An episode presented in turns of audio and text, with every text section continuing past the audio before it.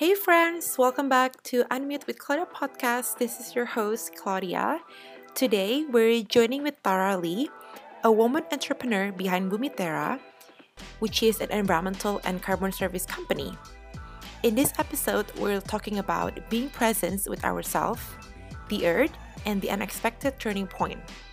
Tara started her career working with e commerce and started this whole journey through an unexpected event in her career that made her think about what truly calls her heart.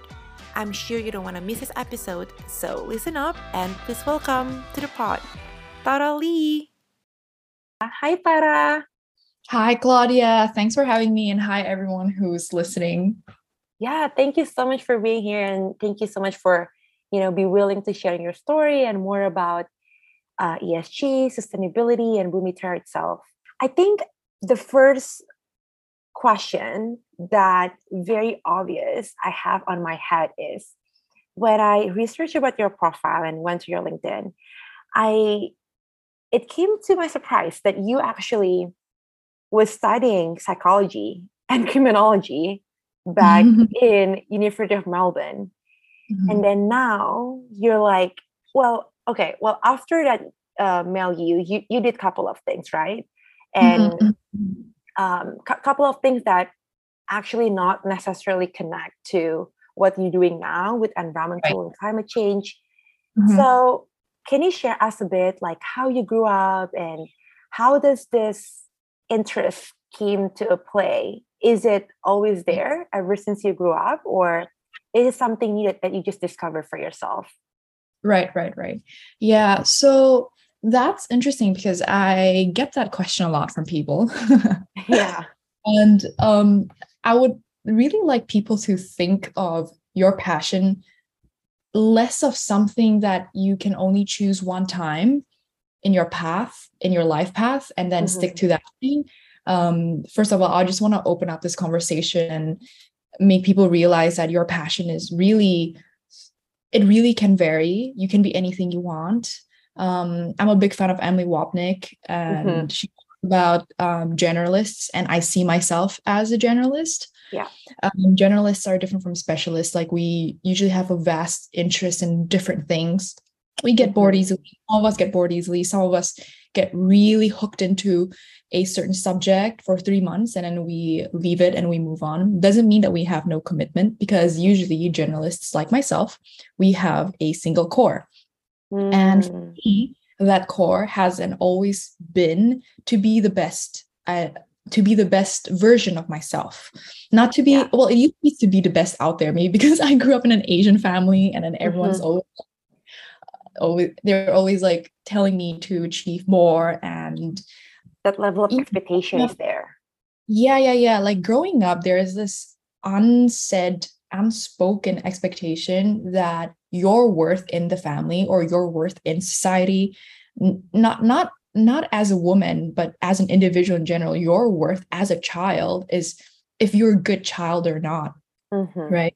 So there's always this underlying expectation to be the best. So that has always been there so growing up, I always wanted to be the best in everything. So I tried everything. I see someone doing something and I just wanted to be the best at that. It was only recently where I actually converted this best thing into mm. being the best version of myself. So wow. How can I take and make decisions to be truer to my highest being? How can I how can every decision that I make, every choice that I make lead me closer into becoming who I am supposed to be, who I'm meant to be, and who I am truest to be, what is the most true to myself. So that is the core that I have um, growing up and now more recently, I guess, being more aware of um, of what my body, my mind, my soul really needs. Mm-hmm. And moving into sustainability, um, it has always been there inside me to live a more mindful life. Um, okay. I think in our collective society, in Asian societies, we're more likely to lead more mindful lives, and especially Asian women.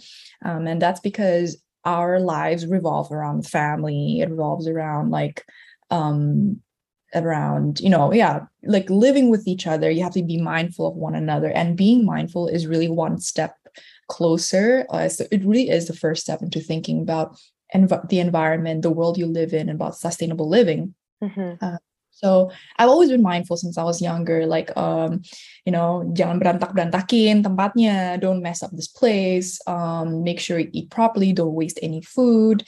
Mm-hmm. Don't uh, we always reuse our plastic bags by the way we're so cheap i swear my family's the cheapest like we would actually fold up plastic bags from supermarkets yeah. and take them back to the supermarket and like use it again so wow. i guess that sort of culture has always been ingrained in me but hmm. i but it was it came from like a non-waste perspective right like it was um, it's because kita menyayangkan barang gitu kita sayang yeah. sama barang kita nggak yeah. mau dipakai That's right. gitu mm-hmm. yeah um, it was only until you know I've been through a couple of jobs. I was in L'Oreal before.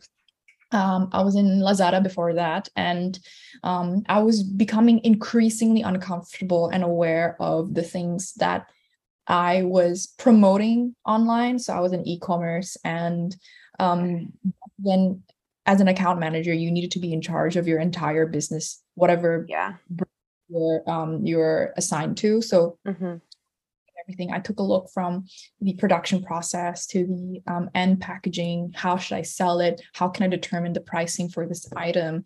Um, what kind of customers would um, like to know about the product and what ingredient is hot right now and what ingredient should I be putting into this new skincare that we're developing. So I was involved in all of that. And the entire supply chain made me really sick mm. because I'm seeing, I'm selling like millions and millions of pieces of of you know of skincare makeup. I was in fmcg back then.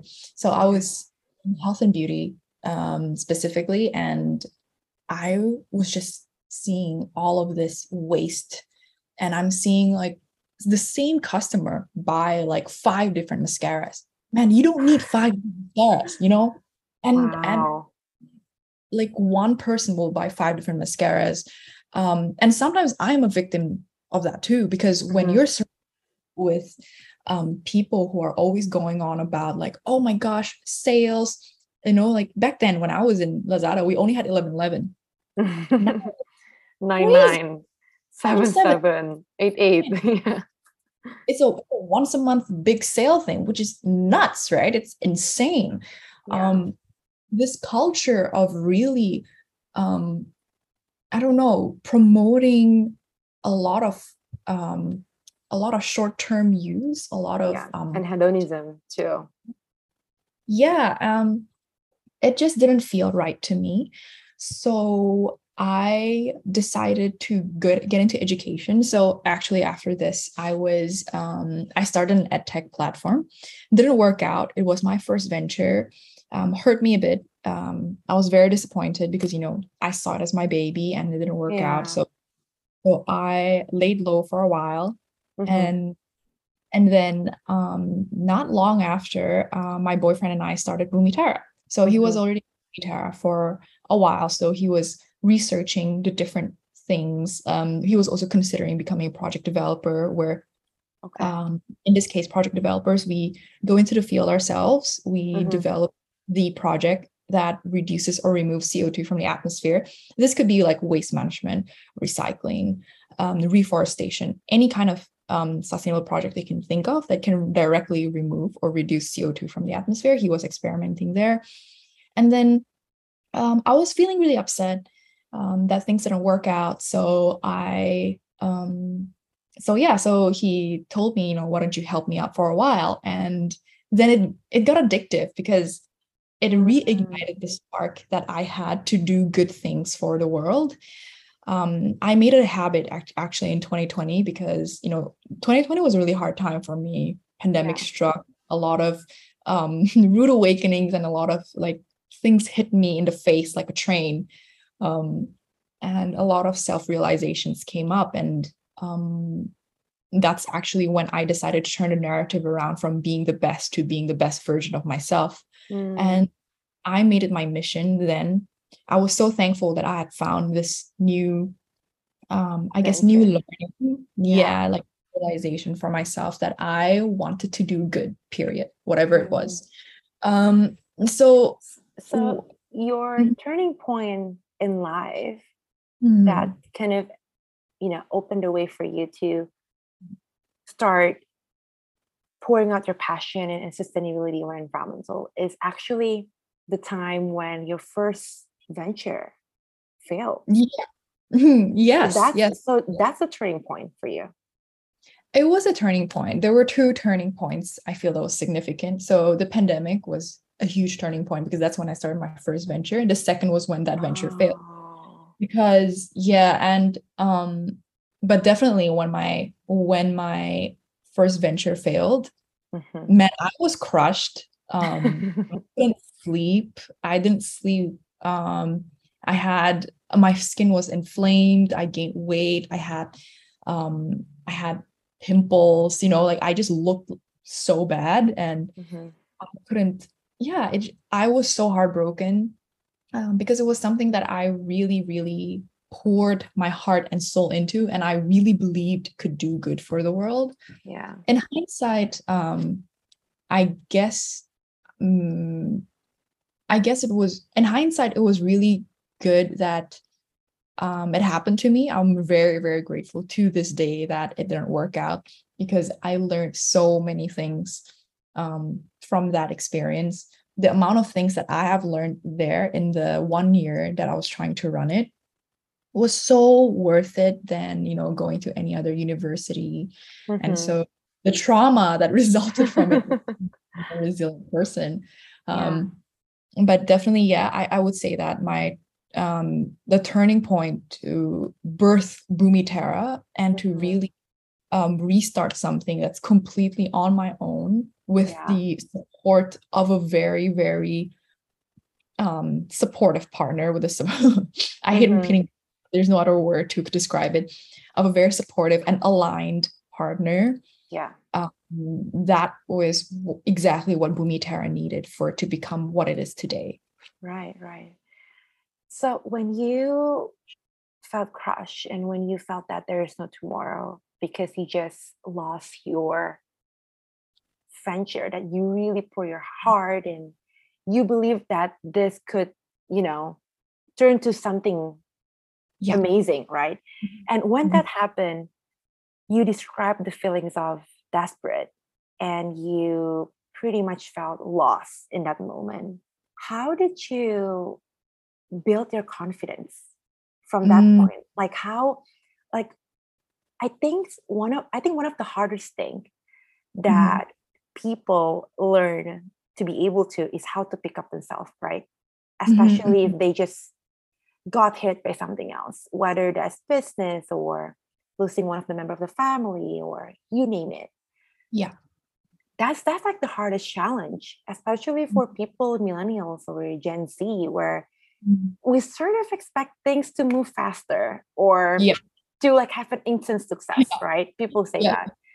So I'm just really curious on what was what was your thought process back then when you were Mm-hmm. at your lowest valleys and you're just trying your best to build up their momentum again and Yeah. you know build your Mm. confidence and go out from your comfort zone because obviously yes you've you've always been so passionate about being environmental friendly right you've Mhm. always have Yeah. interest towards that but Mhm.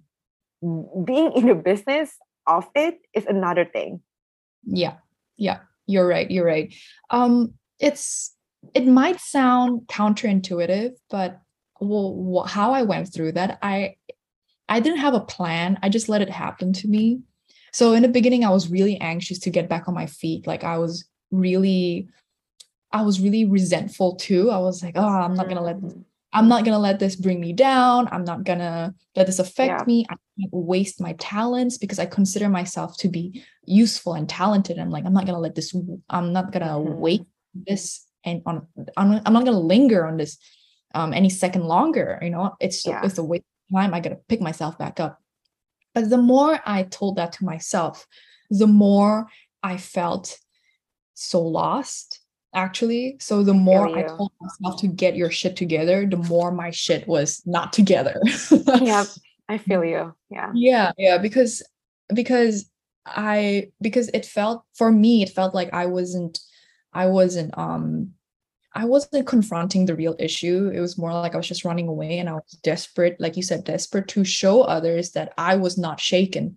I was so mm-hmm. determined to show others that this did not bring me down and that I was super shaken and you know like I just didn't want people to see that side of me. I didn't want I didn't want people to see that I was um, crushed. I wanted people I wanted people to see that I was strong. I'm a mm-hmm. strong confident woman, not gonna let this shit go down. But that was that was eventually what made the process of healing longer. Mm-hmm. And what made me really start on my healing journey was when I um when I felt tired. I just I remember one time I just felt so tired. I sat down on my couch and I'm like, damn, I'm so tired. I'm gonna take a nap. And I took a nap. I took a nap and I woke up and I was like, oh, okay. I'm gonna cook myself something nice today. So I cut an avocado, I took out some kimchi, I cooked some rice, and I cooked some soup I had from last night. And I just sat there with myself and I watched a show that I liked. And I think it was that break, you know, like mm. it was that moment where I was compassionate to myself. Kayak aku kasihanin diri aku sendiri aku kasih aku waktu luang untuk duduk untuk berpikir untuk santai aja. Not even berpikir you know not not even think about anything. Just let myself sit down and be, be with, with myself yeah. right? Be with myself be with my adult self comfort myself um, I didn't even think about like, oh man, I need to like talk this to this lawyer tomorrow to set it up. I need to do this and that. I didn't even think of that. I I just woke up from my nap, had my food, watched my favorite TV show, and sat mm-hmm. in my mm-hmm. pajamas and be like, oh God, this is the life. Like, you know? Yeah. Um, and then the little things started to pick up. I started to clean my room. I started to reshuffle some things. And then I felt mm. I started more refreshed. And that's when I realized I had to admit that I screwed up. I had to. I had to admit that I made a mistake yeah. and that it's very normal. Everyone does that. I made a mistake. That does not make me a shitty leader, does not make me a shitty co founder, shitty boss, does not make me a useless human being. I just made a mistake. Like, like how everyone made a mistake. If Kim K can go out and release a porn video. That was her mistake but now she's like a boss ass person right? Like she's like she's doing whatever she wants to do. No matter how atrocious it is like like some people said it was so atrocious that she released she launched sky partners but you know she's doing what she wants to do you know? So if someone like that can screw up so badly but still turn out the way she is then i'm fine you know? I made a mistake and i think the it's the shift in mindset to be forgiving to yourself to be compassionate to yourself that really changed mm. the game for me and and then after that day things to feel much easier um, I was able to tell other people that I screwed up, like, you know, because I was avoiding everyone. I was avoiding everyone. I hid myself. I didn't want to see everyone because because if I saw someone, they'd be like, oh, how is Guru going? And I'll be like, yeah, where to start?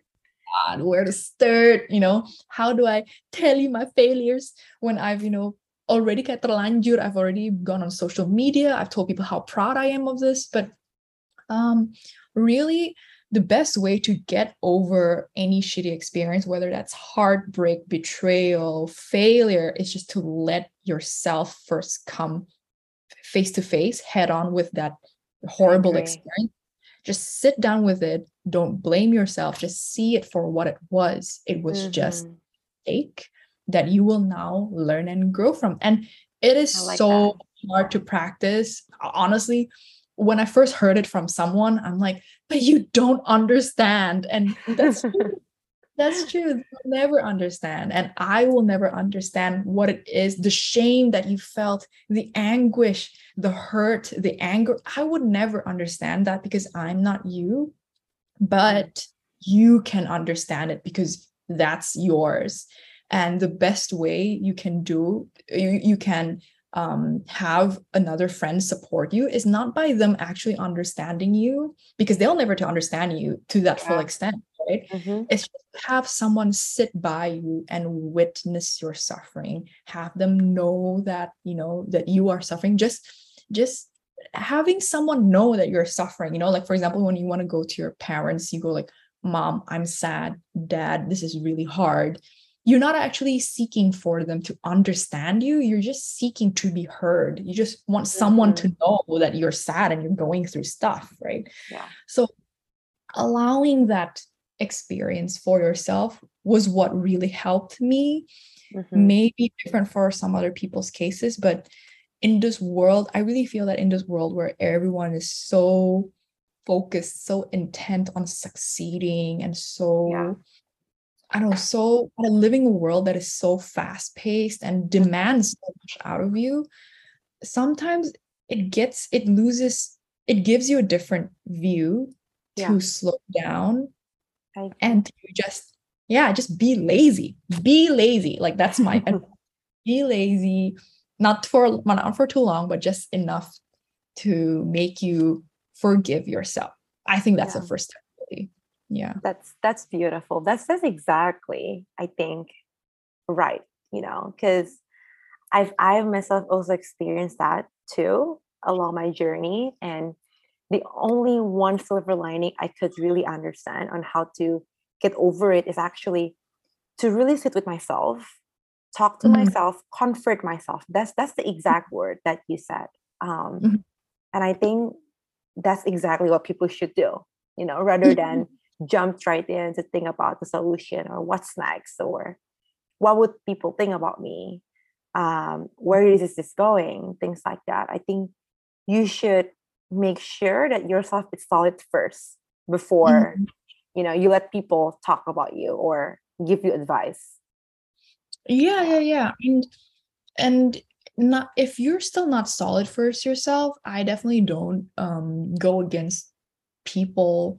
Uh, i don't have anything against people who like try to seek comfort from someone else and ask for advice. I mean mm-hmm. i think that's completely fine because everyone needs to be heard and everyone needs to be heard a different way. But yeah. I think what's really important is you have that time by yourself to really look deeply and mm-hmm. that is the hard part. It's really difficult yep. to and be by yourself. It's really difficult to be alone to not have anyone next to you to to be alone in your problem. That is so difficult and it takes a an an, an, an, an unexpected um, level of awareness and mm-hmm. confidence, mm-hmm. not confidence, yeah. I guess courage, courage, courage to be yeah. able to really look at yourself in a really raw light. And I think that's what a lot of people are missing. And I believe people will be happier if they knew how to really look at mm-hmm. themselves compassionately with yeah. love. Yeah. Thank you for saying that beautifully. you like put it, you know, put it you put exactly what's going on in my mind to the thing that you just explained. oh, um, I just uh, I just hope people because I've been very hard on myself.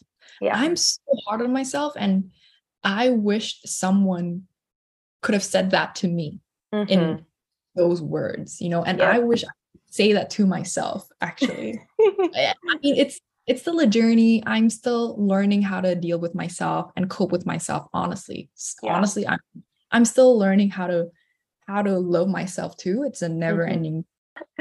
Okay, now let's talk uh, a bit more about Bumiterra and mm-hmm. ESG and environmental and climate change. Exactly where you are now.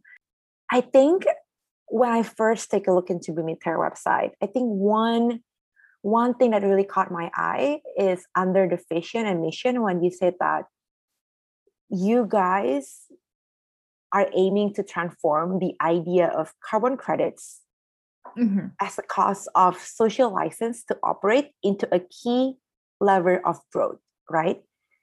Um, since I'm coming from an environmental studies background, I kind of know what this means, but can you explain a bit more about mm-hmm. carbon credits and how does it really affect the world or the earth that we're living now right so i think we can start first by maybe getting giving everyone like a clear definition on what carbon credits are right so um so in our definition a carbon credit is um, a unit of measurement that a commodity, if you'd like to um, hear, it's like a currency for mm-hmm. Supporting, for monetizing and supporting um, efforts that save the environment.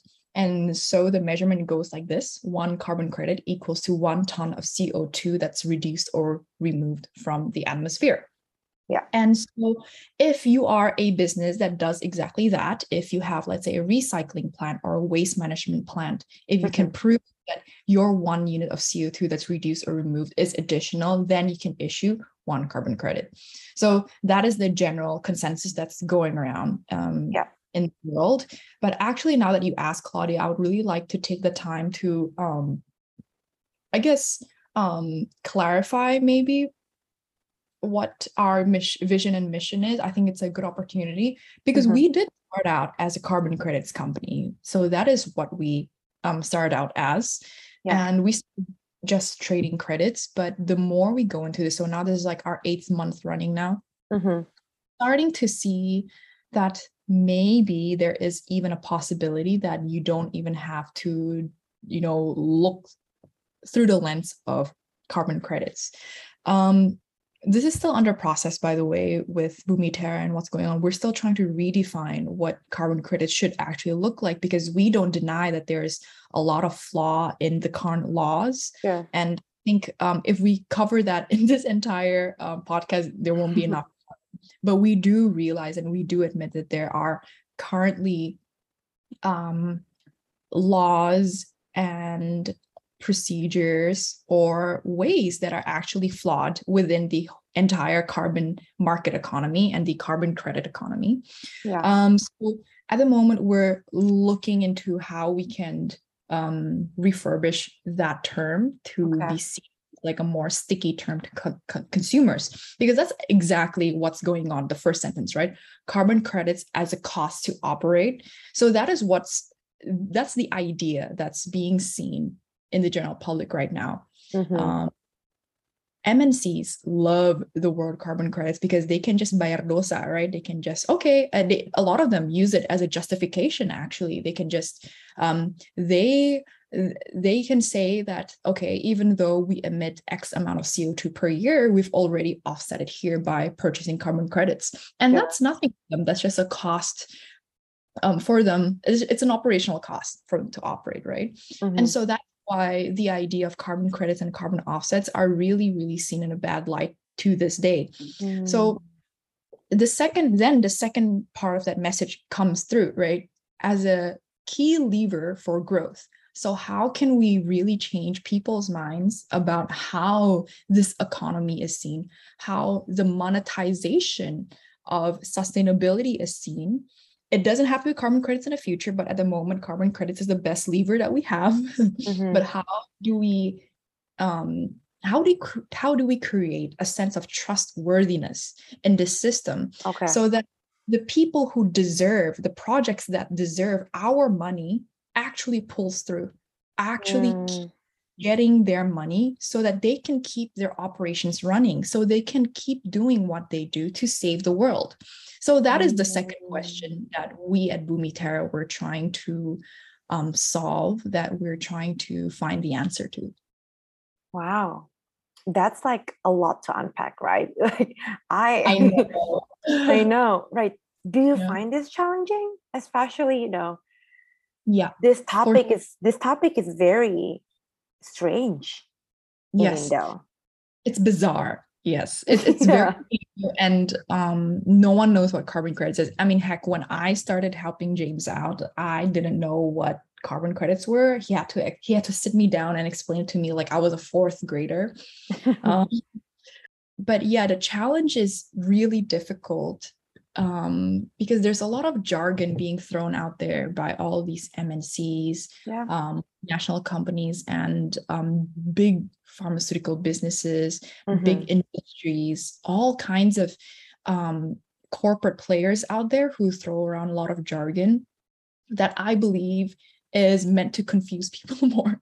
So I really don't blame customers when they uh, when they come to us and when they say that we are just giving businesses an avenue to not take responsibility or accountability for their carbon emission. And yeah. that's exactly something that we'd like to change. We know a lot of carbon trading these days are unethical. There's a lot mm-hmm. of double trading, right? Like, for example, if this tree here sequesters one CO2 every year, then what's preventing whoever owns that tree to resell that same amount of CO2 sequestered to someone else? Like, there's no exact science or there's no pillar of um, accountability right now that's that's really set in stone you yeah. can think of us as like you know we're on the edge of a new breakthrough in sustainability it's like yeah. when henry ford first invented his first car there are no rules on like there's no seatbelt rules there are no traffic lights mm-hmm. there are like tire pressure um, regulation and there's no handbook on how to drive this car. There are no driver's license. Um, you can't just go to dmv you know all of these things don't exist yet yeah. right? The architecture of what keeps a functioning car legal safe um, friendly all of this do not exist yet. And that's how i see um, how i see us right now in the carbon market it's that we're at the edge of really building something new getting something groundbreaking groundbreaking happening and um, we just people we just don't really know how to how to you know how to navigate that yet just because mm-hmm. it's something so new so definitely yes yeah. that's a challenge it's an everyday challenge for me because every day i'm challenging myself before i put out something onto my social media onto my website mm-hmm. i'm asking myself is the message that I'm giving genuine? Do I really mm. believe what I'm saying? Do wow. I really believe that together we can save the world? Do I really believe that Bumiterra is here to help you and your business save the world? Mm-hmm. So I'm always challenging wow. myself, my team. I'm always challenging James. What problem are we solving? What what are we doing actually? And do we believe in what we're doing? So we make sure that every message we put out is something that we believe in and therefore i think i believe and i hope that that intention is seen wow wow that's mm. amazing it's so rare to find an entrepreneur that really is genuine and really put a lot of their thoughts and their hearts into what they put on social media and actually really doing the actions you know i think that's so rare these days and when you see that the word carbon credit it's mm-hmm. such mm-hmm. a strange in in the mm-hmm. indonesia dictionary or even in asia itself i think I, I i really agree with that for sure yeah nowadays i think the word esg is more right. is more it's up there yes yeah, yeah yes more than carbon credits you know because mm-hmm. at least if I talk to people, do they know ESG? They would know ESG. But if I yeah. say carbon credits, they would be like, mm, I'm not too sure about that. Let me Google it. Mm-hmm. So, are you and Bumiterra aware of this whole idea of ESG? Because, you know, a lot of companies are now implementing uh, ESG. Bidden mm-hmm. company, for instance, right? They're mm-hmm. like so heavily invested on this mm-hmm. industry as well as all the VCs, all the PEs, they are they think ESG is cool and it's up right. to date, right? They yeah. just want to follow the trend that everyone is doing ESG. But yeah. do you think that with the level of Indonesia now, are we ready mm-hmm. to really introduce ESG to our implementation? And how do you think Bumiterra with your vision and mission about what you guys is, are focuses on now, how could that incorporate with the ESG implementation? So I think it's not a question of is Indonesia ready or not to implement environmental sustainable goals. It's more mm-hmm. like we have to or else. Um, yeah. Yeah, or yeah, and the thing is ini bukan masalah ketinggalan zaman doang, you know. it's not just like ketinggalan ketinggalan zaman. It's like nanti lu ketinggalan waktu. We literally only have seven years left before you know um before everything goes into the shits. You know before. Really? Yeah, yeah, yeah. So there's this thing called the World Climate Clock. It's actually there's a big one in Union Square in NYC. Yeah. It's Is like it real? it's real. It's real. It's real. Um, look it up. It's called um, the Climate Clock, and it's you know vetted by a team of scientists. right. very I pass by it all the time, but I just never thought it's real. yeah, yeah, no, it's it's actually it, it maintains that humanity's um, best window to really come up with significant movement, significant change. Mm. We have like around seven years left. The next seven years is the best window that we have. Or after seven years, things are just gonna be incredibly hard. We're gonna do some like crazy Thanos thing to uh, to to really really um, protect our home. So the next seven years is the best time that we have. So it's not about ketinggalan zaman, it's about ketinggalan waktunya Betul. gitu nanti nanti nggak keburu gitu. So yeah. um so Indonesia is actually pretty um they're pretty behind right it's 2050 still Yep. Yep. um to uh, to really fulfill our um NDCs nationally determined contribution Mhm. um so to a lot of people right now we're 2022 so to a lot of people 2050 is like ah yeah masih lama. Okay masih ada waktunya gitu. But Yeah. there are companies who are already signing protocols to be valid by 2030 you know? So it's it's so this ketinggalan waktu thing I think is really I mean the trigger. Yeah for people like to do something. it's not about you know it's not about if you're ready or not you have to really start thinking for anyone out there who's starting to think about um running a new business um starting a new business you Mhm. really must implement some sort of ESGs or SDGs that um in your business model because even right now all over the world not just Indonesia but the entire world there's a general consensus that 70 to 80 percent of mil- uh, of um, Gen Zers will not purchase a product unless there is some sort of ESG or Yeah. SDG on it. You know, Mhm.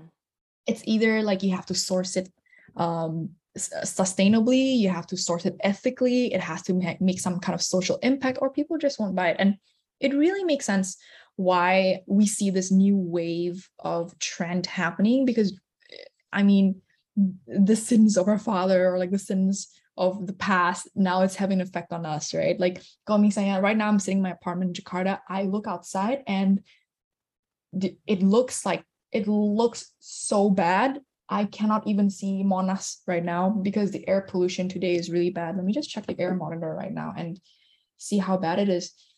But yeah, I mean, oh, it's 124, so it's not as bad as usually. Usually it's red. Right now it's it's orange, which is still unhealthy. It's not supposed to be like this. It's supposed to be normal air quality is supposed to be like under AQI 50, which makes it green. Uh, you were in the Bay Area, you're in NYC and East Coast, so air quality is pretty much always good. But these days, Jakarta, every single day, I don't wake up seeing a blue sky because it's just covered by pollution.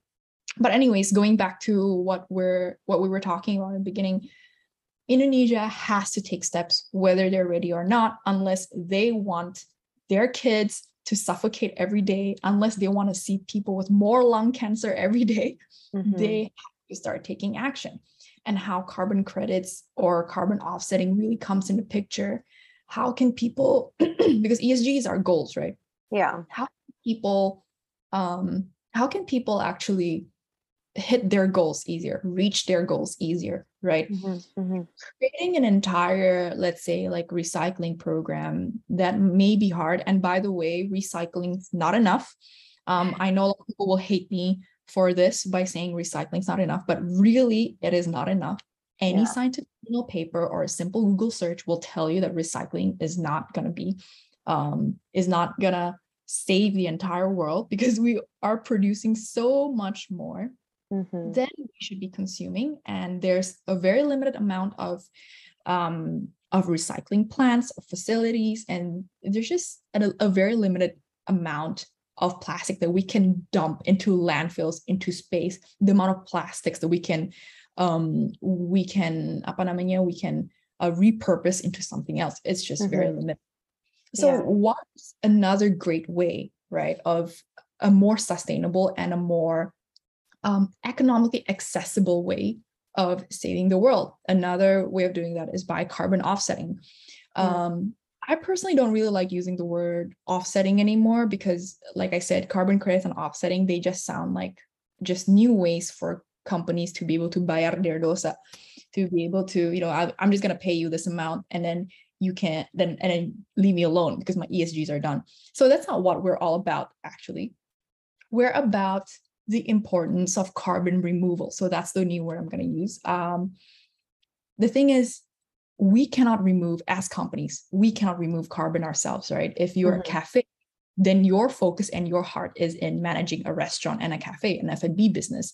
You can't just set aside time to venture into the forest of Papua or Kalimantan and build an entire reforestation program. Yeah. But you can fund a project that does exactly that and there are so mm. many there are so many tools out there now that can help you determine how much each hectare of land um, sequesters CO2. And that is usually a good measurement of how much you can make sure that your emissions are accounted for.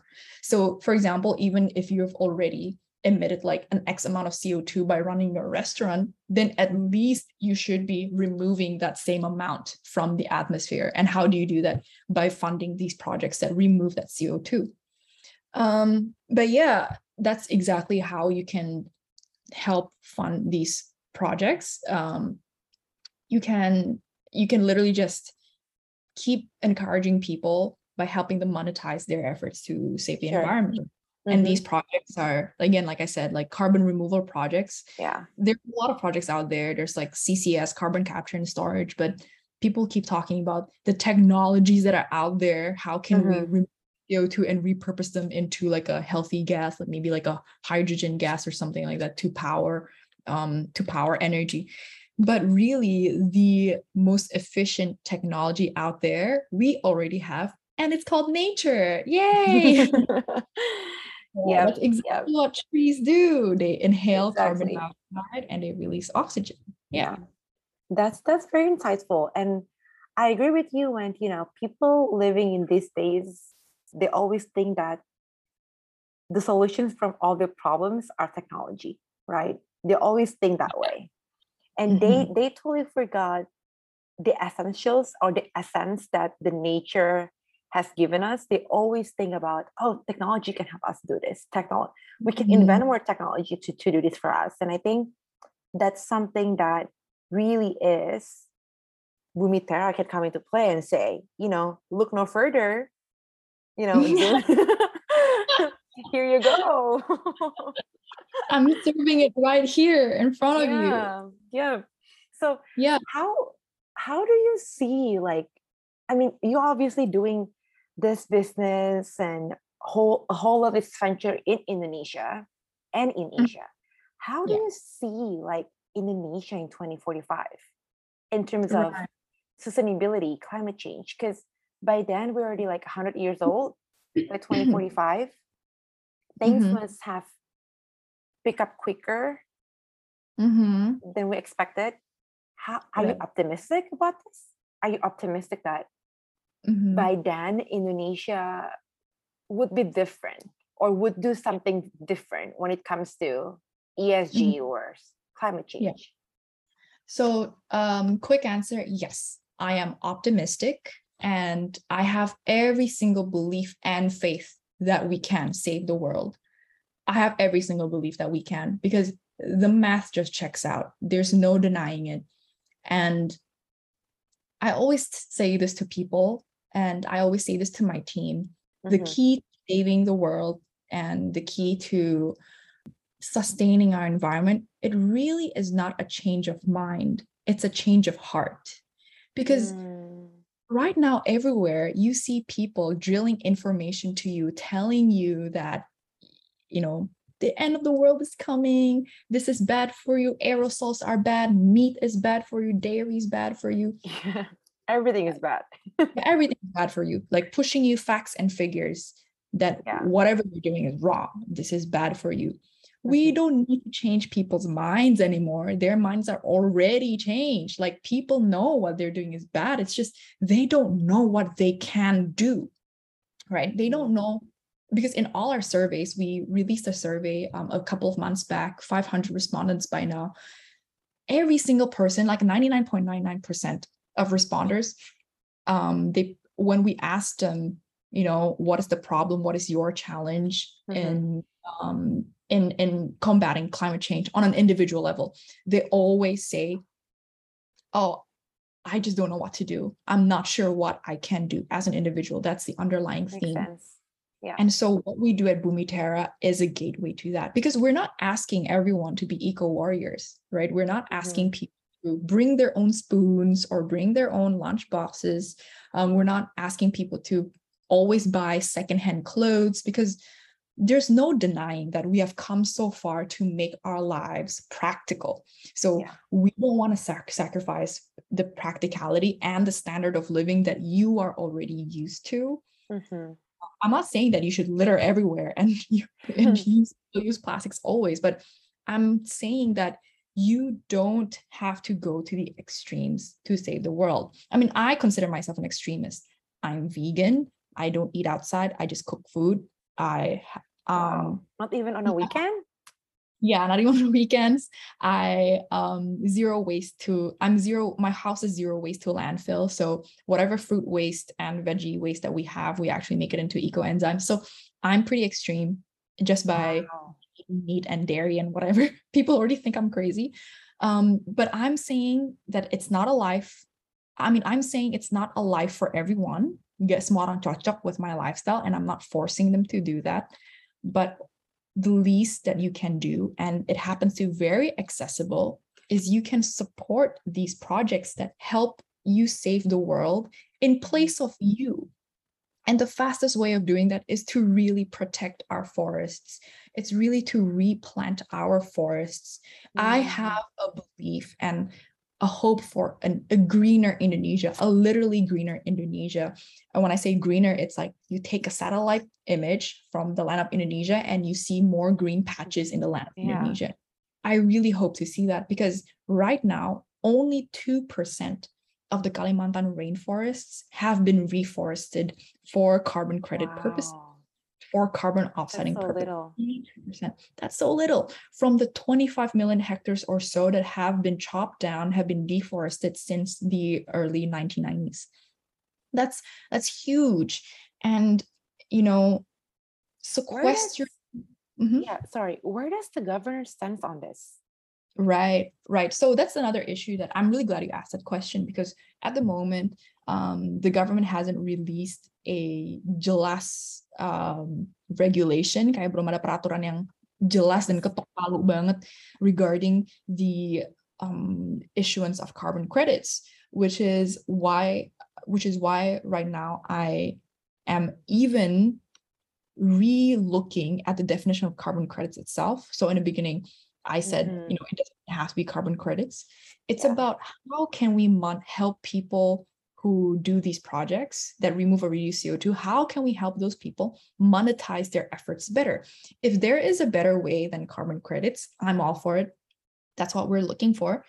Um, but right now, the government is trying to figure out the maths, figure figure out the regulations, and I'm not blaming them at all. It's so difficult. How can you track how much one tree sequesters carbon dioxide? Like kita aja sebagai um, aku sama Claudia pasti telang capacity kita berbeda gitu loh. Kayak Mhm. kita mau sedot berapa oksigen aja, we'll never know down to the Yeah. molecule level. Who will know? You know. Mhm. So it's such a difficult science to tackle. So I'm really not blaming everyone on this. I really want to promote a healthier and more cooperative environment. Mhm. And, you know, the entire world is waiting for Indonesia to take action. Because believe it or not, our rainforests have so much more potential than the Amazonian rainforest, believe it or not. And that's because we have a higher concentration of peatlands in our rainforests. Peatlands are basically like swamplands. Um, It's like a kind of soil and it's a very swampy um, kind of soil. And this adds another layer of storing the CO2 um, Mhm. to the trees that suck it and which is why um which is why our projects also can be very expensive um but we have really the best carbon credit quality, carbon removal um, credit quality in the world, really, mm-hmm. because we have the best kind of soil, we have the best kind of trees. Yep. And so I really see a much greener Indonesia because the entire world literally is looking at Indonesia, waiting for Indonesia. There's no other way. You ready yep. or not? I agree. Action. Kayak yeah. kita sebagai negara juga kita udah nggak bisa nunggu-nunggu lagi for kita nggak bisa nunggu orang lagi juga kan. We, we also feel mm-hmm. the need something now. So yeah. if if really the government says like we cannot use carbon credits, yeah, yeah, udah, that's fine. I'm still going to help um, these projects monetize their efforts to save the environment sure. there's got to be someone out there who does that if not us then who right yeah yeah mm-hmm. thank you so much for sharing you know i think this like even i studied environmental studies but this one whole conversation with you really taught me a lot and really is opening my eyes inspired me in a lot of ways um, mm-hmm. and all kudos to you is there any anything that you want to say or any last thoughts? Um, first of all, thank you, Claudia. And if I have anything that I can say last, it really is, guys, jangan putus asa. Keep believing that one day the world will be a better place. Keep believing that the future mm. kind, the future is green. And that belief alone will really take you to places because by believing that you are doing something good every day ah. it means you are closer an inch closer to your truest being. And that Aww. means you are useful to the world. And when you are useful to the world there's nothing else behind it. I'm not going to say anything else. You really yeah. are useful to the world. And that is your own contribution in your own way in the step of making the world a better place. You don't have to be an environmentalist like me. You don't have to run a green company. As long as you believe you are useful, you believe the future is kind, you believe you're doing good, you are making the world a better place already. Yeah. Thank you yeah. so much, Tara. How can we help um, to, you know, advocate this more, helping Bumiterra? Um, any other ideas or thought that we could contribute on this? Um, I guess um, right now, so I'm working on our community. I'm working on, um, on our on our marketing. So please visit our Instagram. Maybe it's at Bumi Teragaya.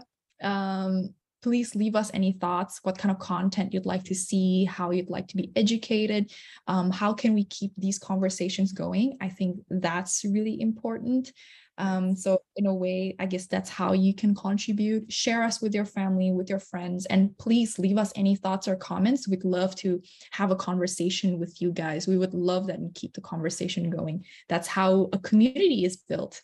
Yeah, awesome. Well, thanks again. It's you know, staying up late, it's so worth it talking to you and hearing all of this insight. I'm just really appreciate this this time. No, I'm. I also really appreciate someone facilitating this platform. Um, I think a lot more people need to hear this, and I think what you're doing is also really great, Claudia. What Thank you're doing you. is an effort to save the world. It's it doesn't go unheard. Thank you, and I hope I can see you next in two months once you're visit. Yeah, yes, months when I visit. Thanks so much. I hope you have an amazing week.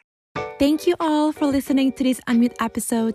Don't forget to follow this channel and share it with your friends too. And also, feel free to hit me up on Instagram at Claudia H. Johan. Unmute Podcast.